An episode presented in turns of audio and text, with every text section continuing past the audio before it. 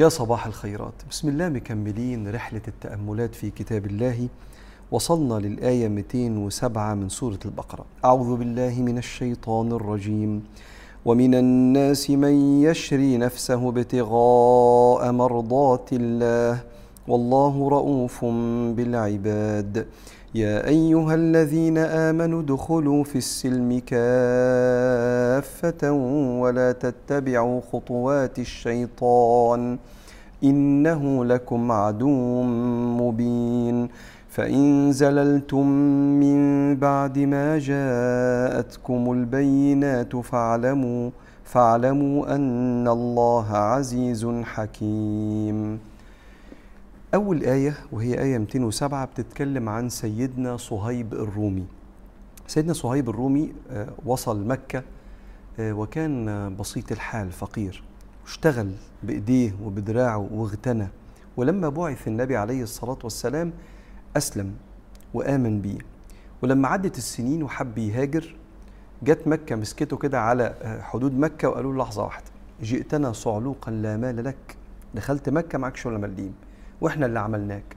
قال لهم لا ده أنا اشتغلت وتعبت وبايديا عملت الفلوس. قالوا له ما نفهمش الكلام ده. عايز تروح لمحمد تسيب كل فلوسك. فقال لهم ماشي موافق. وساومهم على المال ووافقوا وخدوا فلوسه وطلع كده بعد شقى العمر وسنين العمر معهوش ولا مليم بس على الجمل بتاعه. دخل على النبي عليه الصلاة والسلام فالنبي قال له بعد ما سمع القصة ربح البيع أبا يحيى. سيدنا صهيب كانت كنيته أبو يحيى. ونزل القرآن ومن الناس من يشري. كلمة يشتري لو شلت منها التاء بقت يشري. أصبحت عكس المعنى. أصبحت يبيع. يشتري يشتري ويشري يعني يبيع. فربنا بيقول شوف لما ربنا من فوق سبع سماوات يتكلم على إنسان عمل موقف. بس موقف كان علاقته بربنا وسيدنا النبي عليه الصلاة والسلام في كفة وشاء العمر في كفة. مفيش أصلا حاجة تتحط في كفة مع الله ورسوله. خدوا الدنيا كلها بس أروح للنبي عليه الصلاة والسلام. ومن الناس من يشري نفسه ابتغاء مرضات الله. بس ربنا يرضى. والله رؤوف بالعباد. رؤوف بالعباد يعني رضا ربنا مش صعب. عشان ربك يرضى مش بيكلفك فوق طاقتك. والطبيعي إن الملك والعظيم والغني كلما ازداد عظمة وقوة كلما رضاه بقى صعب إلا الله.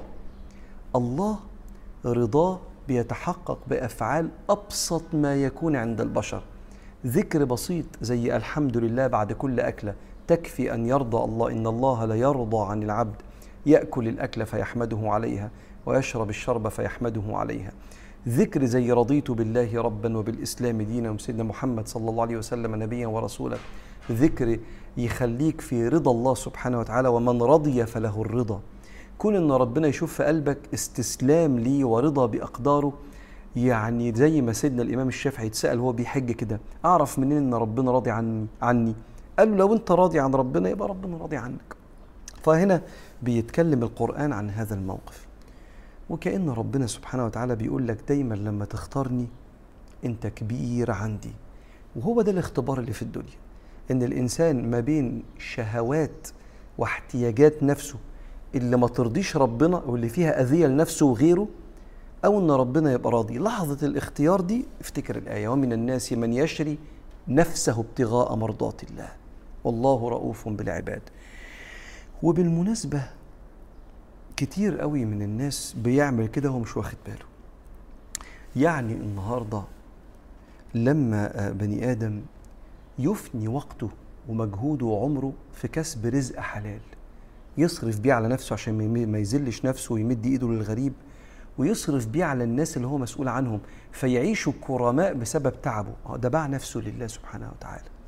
كان ممكن يبقى عايش كسول ومتدلع ويعني إيه أكل ومرعى وقلة صنعة زي ما بيقولوا على الشخص اللي ملوش قيمة في الحياة أو ملوش تأثير في الحياة لكنه اختار يحارب كسله ويبيع وقته وجهده وماله عشان يعمل ويبقى واقف كده في الحتة اللي ربنا اقاموا فيها في الدنيا.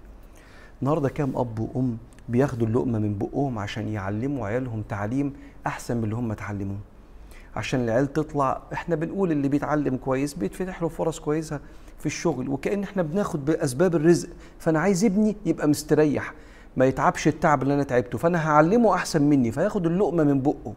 ويأخر حاجات كتير كان نفسه يشتريها لنفسه. ما هو فلوسه وتعبه وشقاه وجده واجتهاده في الدنيا بس ابني أولى بحاجة زي كده. فلما البني آدم يكون بيعمل كده لازم تبقى عارف كويس إنه بيبيع نفسه ابتغاء مرضات الله. إن ربنا قال له زمان إن الله اشترى من المؤمنين. خلاص الشاري آه، آه، الغني سبحانه وتعالى اشتراك مش هيبيعك. والثمن المدفوع رضاه الجنة. إن الله اشترى من المؤمنين أنفسهم وأموالهم بأن لهم الجنة. فالبيعة مضمونة والتجارة مع الكريم الذي يوفي بعهده وكلمته سبحانه وتعالى. كتير من الأوقات ما البني آدم يعجب من الشهداء. الشهيد الجندي اللي مات في الحرب اللي باع روحه وجسده وخرج من خوفه من أجل حماية عقيدته أو حماية وطنه أو أهل بلده أو أرضه. تقول إيه ده؟ إزاي في بني آدم عنده القدرة إنه ما يبقاش باقي على حاجة بس ربك يرضى؟ عشان كده ما تستغربش إن الشهيد ده بيفضل عمله مستمر كأنه لسه عمال يصلي وعمال يصوم زي ما كان بيعمل في الدنيا لدرجة إن سيدنا النبي قال وددت أن أقتل في سبيل الله ثم أحيا ثم أقتل ثم أحيا. لما يجد الشهيد من كرامة الشهادة.